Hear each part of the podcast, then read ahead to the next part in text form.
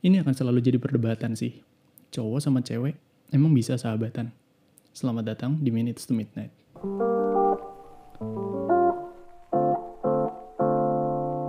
Selamat malam dan selamat datang kembali di sebuah acara yang akan menemani kalian menuju tengah malam. Dan minggu ini gue kembali lagi dengan sebuah cerita dari seorang perempuan lagi nih.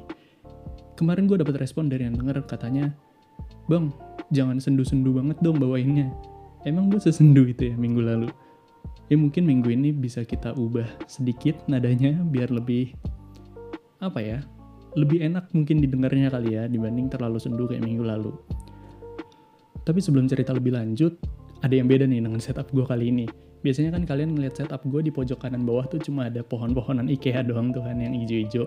Tapi kali ini dia nggak sendiri nih, dan gue juga nggak sendiri. Gue ditemani dengan tiga buah kopi dari Woven Coffee. Jadi di sini ada Bali Meister, ada kopi Ena, sama ada Smooth Arabica. Buat gue pribadi sebenarnya gue paling cocok sama si Smooth Arabica ini sih.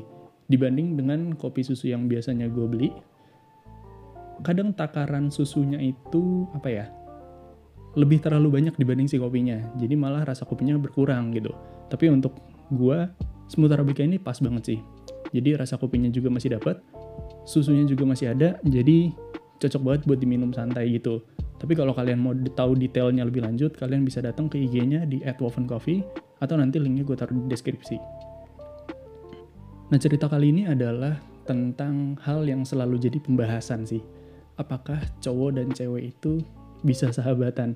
Ini pertanyaan yang sering banget gue apa ya? Gue terima ataupun gue lontarkan ke teman-teman gue dan gue dapet jawaban yang beda-beda banget. Ada yang bilang bisa, ada yang bilang enggak gitu kan. Nah kemarin gue udah lempar pertanyaan ini di IG story dan jawabannya banyak banget ternyata. Buat gue pribadi ini adalah rekor jawaban terbanyak yang pernah gue dapet dari kalian. Kemarin itu sampai di angka 45-an hampir 50 kalau nggak salah. Dan terima kasih buat teman-teman semua yang udah ngejawab IG story gue. Dan jawaban-jawaban itu akhirnya gue rangkum dan akan gue bawakan di episode kali ini. Cerita kali ini datang dari seorang perempuan bernama Ika. Jadi, tahun lalu, Ika nih pindah kantor. Dan dia keterima di sebuah program MT, manajemen trainee gitu ya. Dan selayaknya program MT, dia menjalani fase pendidikan dan di sinilah dia ketemu sama cowok. Ya, biar gampangnya sebut aja namanya Raga kali ya. Jadi cerita kali ini adalah cerita antara Ika sama Raga. Awalnya Ika temenan sama Raga biasa aja. Lama-lama mereka ada di sebuah peer group yang sama, dan peer group ini suka hangout kalau jam pulang kantor hari Jumat gitu. Ika dan Raga ini merasa mereka sama-sama nyambung dalam banyak hal, selera mereka banyak yang sama, walaupun sebenarnya kepribadiannya lumayan beda. Ika lebih pemalu dibanding Raga, sementara Raga tuh jauh lebih sabar dibandingkan Ika. Kadang Ika juga suka cerita ke Raga buat minta pendapat, begitu pula sebaliknya. Termasuk tentang relationship. Kemudian ada sebuah kondisi yang membuat interaksi Ika sama Raga nih jadi lebih intens. Dan mereka mengakui bahwa mereka senang temenan satu sama lain. Berawal dari komentar orang-orang yang nanya, kok kalian sering bareng sih? Ya mereka sih sebenarnya biasa aja, dibawa ketawa aja gitu kan. Karena si Ika sama Raga ini, dia udah punya pasangan masing-masing. Ika ngerasa ah orang-orang tuh ngomong kayak gitu cuma ngelihat luarnya doang. Mereka nggak tahu apa yang Ika dan Raga suka omongin gitu. Walaupun ada beberapa kejadian yang bikin Ika mikir, loh, kok Raga kayak gini ya ke gue? Tapi akhirnya Ika biarin aja. Karena Raga itu emang menurut Ika tipe orangnya kayak gitu. Kasarnya Ika ini yakin bahwa mereka tuh bisa temenan. Tapi enggak dengan orang-orang di luar ini, orang-orang yang melihat mereka selalu bareng-bareng. Sampai suatu saat si Raga secara implisit bilang dia jadi ragu. Karena kalau orang-orang ini memandang mereka tidak sekedar teman, mungkin kenyataannya emang kayak gitu. Tapi mereka aja yang gak sadar. Sampai sekarang pun Ika dan Raga masih sering intens ngobrol. Makan siang bareng, istirahat bareng, kadang berdua, kadang sama yang lain, pulang kantor juga kadang-kadang bareng. Akhirnya beberapa bulan kemarin, Ika dan Raga sama-sama putus sama pacarnya masing-masing. Jadi pas mereka deket ini mereka sama-sama punya pacar gitu kan. Ika dengan pacarnya, Raga sama pacarnya juga. Tapi ya ternyata mereka ada kedekatan tersendiri antara Ika sama Raga itu. Setelah putus itu tiba-tiba Raga ngomong ke Ika bahwa dengan pertemanan kayak gini Raga takut kalau dia jadi baper sama Ika. Setelah kalimat itu, hubungan mereka jadi renggang. Si Raga jadi jaga jarak sama Ika. Dan sampai Ika nulis email yang dikirim ini, dia masih yakin bahwa dia nggak ada rasa apa-apa sama Raga.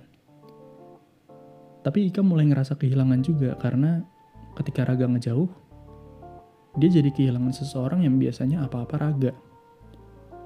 Sampai di akhir email ini, Ika bertanya, dia harus ngapain? Gue harus apa? Ceritanya nggak panjang kali ini. Ika cuma melontarkan sebuah pertanyaan, apa yang gue harus lakukan ketika gue ada di posisi kayak gini? Kalau tadi kan di cerita ini Raga bilang, Raga ngejauh karena dia takut dia baper sama Ika gitu kan. Ini yang jadi pertanyaan, bisa nggak sih sebenarnya cowok sama cewek deket sebagai sahabat aja gitu kan? Balik lagi sih, definisi sahabat itu apa gitu kalau kita ngambil dari KBBI ini ya, KBBI itu bilang bahwa sahabat adalah teman, karib, kawan. Dan buat gue pribadi biasanya orang yang gue anggap sahabat itu adalah orang yang bisa gue luapin apa pun, dalam arti gue bisa cerita apa pun, gue bisa terbuka sama dia. Bagaimanapun gitu kan, terlepas dari orang ini cowok atau cewek. Gue pribadi nih ya, kalau ngomongin pengalaman nih, gue sendiri udah pernah deket tiga kali dalam arti punya sahabat tiga kali dan tiga-tiganya gue nggak bisa kontrol perasaan gue akhirnya gue jadi suka gue intens ke satu orang perempuan itu gitu kan dari seorang teman akhirnya jadi gue anggap sahabat gue nyaman gue cerita segala macam akhirnya tumbuh sebuah rasa yang beda rasa yang lebih gitu kan. Dan apa ya? Akhirnya dari tiga kali pengalaman itu gue jadi belajar oh kayaknya harus ada yang dikontrol deh. Gue nggak bisa kayak gini terus. Gue nggak bisa ketika gue ada di sebuah peer group yang ada perempuannya gue nggak bisa intens ke satu orang doang. Dalam arti gue harus membagi itu semua gue harus mengontrol diri gue agar nggak terjadi lagi yang kayak gitu karena posisinya di sini sekarang gue juga udah punya pacar gitu kan jadi gue berusaha untuk tahu diri gitu loh, memposisikan gue sebagaimana harusnya. Tapi agar episode ini lebih objektif gitu ya, gue akan bawa jawaban-jawaban yang kemarin udah kalian lempar juga sih. Jadi dari total 45 orang yang kemarin jawab, ini cukup sengit sih. 25 orang bilang bisa sahabatan lawan jenis, dan 20 orang nggak bisa. Berarti kalau dipersentasein berapa tuh? 55% banding 45 kali ya. Ini berikut beberapa jawaban yang pada bilang bisa nih. Yang pertama ada yang bilang, bisa asal tahu situasi dan kondisi. Bisa asal punya perasaan ke orang yang berbeda. Hmm, yakin. Apa ya? Kalau dari ceritanya Ika sama Raga tadi kan dia sebenarnya udah punya orang yang berbeda masing-masing gitu kan. Ika sama pacarnya, Raga sama pacarnya, tapi ternyata Ika sama Raga memiliki kedekatan juga gitu mereka sama-sama punya perasaan ke orang yang berbeda, tapi akhirnya salah satunya ada yang mundur karena mulai merasa kayaknya udah ada perasaan tumbuh yang lain deh. Kayaknya harusnya perasaan ini nggak kayak gini gitu kan. Akhirnya dia jadi lebih nyaman sama si sahabatnya ini, Ika sama Raga jadi lebih nyaman mereka berdua gitu. Dan gak jarang hal-hal yang kayak gini tuh akhirnya mereka jadian gitu kan. Abis putus sama pasangan masing-masing akhirnya mereka jadian. Itu bisa juga. Ada yang bilang bisa gue udah 18 tahun sahabatan. Ada yang udah 21 tahun. Kalau dari umur gue yang sekarang 21 tahun tuh berarti lo dari TK kali ya. Wah childhood friend gitu. Dia bilang bisa kalau sahabatannya deket semua. Nah ini maksud gue ketika lo dalam peer group lo menganggap mereka tuh semua sahabat lo. Lo nggak ada yang intens ke satu orang doang gitu kan. Karena kalau intensnya cuma ke satu orang doang lawan jenis kemudian lo berdua sama-sama single memungkinkan sangat memungkinkan untuk terjadi perubahan rasa gitu menurut gue karena yang gue alamin kayak gitu. Walaupun di luar sana ada yang bilang enggak kok gue bisa kayak gini. Uh, eh, gue udah melihat dia bukan sebagai girlfriend material atau boyfriend material, iya bisa. tapi ternyata ada juga yang enggak gitu kan ya apa ya? Ada yang bilang kayak enggak kok dia cuma buat seru-seruan doang. Kalau nggak ada dia tuh nggak rame. Ya tetap aja. Ada juga yang ternyata terus apa perasaannya berubah gitu loh. Ada yang bilang bisa kalau nggak ada yang bilang bisa kalau nggak bisa berarti ada niatan lain. Menurut gue nggak juga. Niat gue awalnya temenan sahabatan. Akhirannya niatnya jadi berubah. Berarti bukan berarti gue mendekati dia karena niat awalnya udah pengen pacaran enggak. Niat gue awalnya ya bersahabat tapi akhirnya yang muncul lain lagi kan? Bisa tapi sempat bingung. Bingung oke. Okay. bingung tuh biasanya timbul sampai lo di titik ini. Timbul pertanyaan kita tuh sebenarnya apa sih? Pernah nggak lo ada yang ngerasain kayak gitu? Muncul pertanyaan gue sama dia tuh sebenarnya apa sih? Kita deket kayak sahabat kita deket kayak pacar tapi gue bukan pacarnya dia gitu. Apa ya? Ada yang bilang enak kalau punya pacar kayak sahabat gitu kan. Lo bisa lontarin apa pun ke pasangan lo gitu. Ada juga yang bilang enak kalau punya pa enak kalau punya sahabat kayak pacar. Well menurut gue orang yang bilang enak punya sahabat kayak pacar itu cuma lo pengen enaknya doang kali ya. Dalam arti uh, lo mau terus deket sama nih orang tapi lo nggak mau terikat gitu. Lo nggak mau ada hal yang mengikat seperti kita tuh udah jadian. Jadi kalau ada apa-apa ya ya asal nggak lo tinggal ghosting aja sih benernya ada yang bilang juga bisa kalau punya batasan masing-masing. Bisa kalau lo dikelilingi adik atau kakak laki-laki atau cewek. Mungkin jadi kayak terbiasa kali ya. Lo biasa ada di lingkungan laki-laki lo jadi tahu eh, habitnya laki-laki gimana ataupun lo ada di lingkungan perempuan lo jadi tahu habitnya perempuan gimana. Bisa jadi sih sebenarnya kayak gitu. Mungkin itu tadi dari orang-orang yang bilang bisa. Sementara untuk yang pada nggak bisa pada bilangnya kayak gini nih. Nggak bisa karena intensitas menimbulkan perasaan. Well so far gue setuju sih dalam arti ketika lo intens sama orang, lo jadi tahu orang itu seperti apa, lo jadi tahu dia bagaimana, akhirnya lo nyaman sama dia. Sangat memungkinkan untuk timbul sebuah perasaan. Balik lagi itu menurut gue, dan apa yang udah gue alamin. Kalau ternyata di luar sana ada yang berbeda, ya nggak apa-apa, that's good for you gitu loh. Gak bisa sama cowok aja baper, apalagi lawan jenis. sama cowok aja baper, apalagi lawan jenis well buat cowok aja yang suka lebih mikir pakai otak bisa baper gimana yang pakai hati gitu kan? Ada yang bilang nggak bisa. Pasti ada walau sekecil biji zarah well sekecil-kecil biji zarah gitu kan? Ya kalau disiram juga subur. Sama kayak perasaan gitu loh. Kalau dirawat juga bisa tumbuh. Enggak karena takdirnya cowok cewek itu pasangan bukan sahabatan gue angkat tangan sih kalau udah ngomongin takdir ya. Tapi dalam arti bisa dibilang iya tapi tidak menutup kemungkinan bahwa di luar sana ada kok yang sahabatan. Gue masih percaya di luar sana ada sih. Karena dunia ini terlalu luas men. Kalau lu bisa nge-state semua cowok cewek itu nggak bisa sahabatan pasti ada di luar sana menurut gue ada yang bilang nggak bisa. Kalau ada yang bilang bisa dia cuma belum jujur sama dirinya sendiri dan perasaannya Iya, menurut gue tingkat jujur yang paling kecil, bukan paling kecil, lingkupnya. Tingkat jujur dalam lingkup yang paling kecil adalah jujur terhadap diri sendiri. Tapi, itu juga jadi hal yang paling berat menurut gue. Jadi, di lingkup yang paling kecil, dan itu menjadi sebuah hal yang paling berat untuk jujur sama diri sendiri. Kadang kita suka ngebohongin diri sendiri, dan apa ya, biar di luar sana nggak ada yang perlu tahu gitu loh. Nganggap kita fine fine aja tapi ternyata nggak fine fine aja. Tapi ketika lo udah bisa jujur sama diri lo sendiri gue rasa harusnya akan jauh lebih tenang sih. Jawabannya sebenarnya ada banyak banget yang belum bisa gue sebutin satu-satu tapi basically overall tuh jawabannya mirip-mirip. Jadi gue rangkum aja kayak tadi di atas. Gimana? Buat kalian sekarang jadi tim bisa atau tim enggak? Mungkin kalian bisa komen di bawah kalian sebagai tim yang mana nih. Kali-kali kita bisa diskusi lebih lanjut gitu kan. Kalian tim bisa atau tim enggak dan kenapa?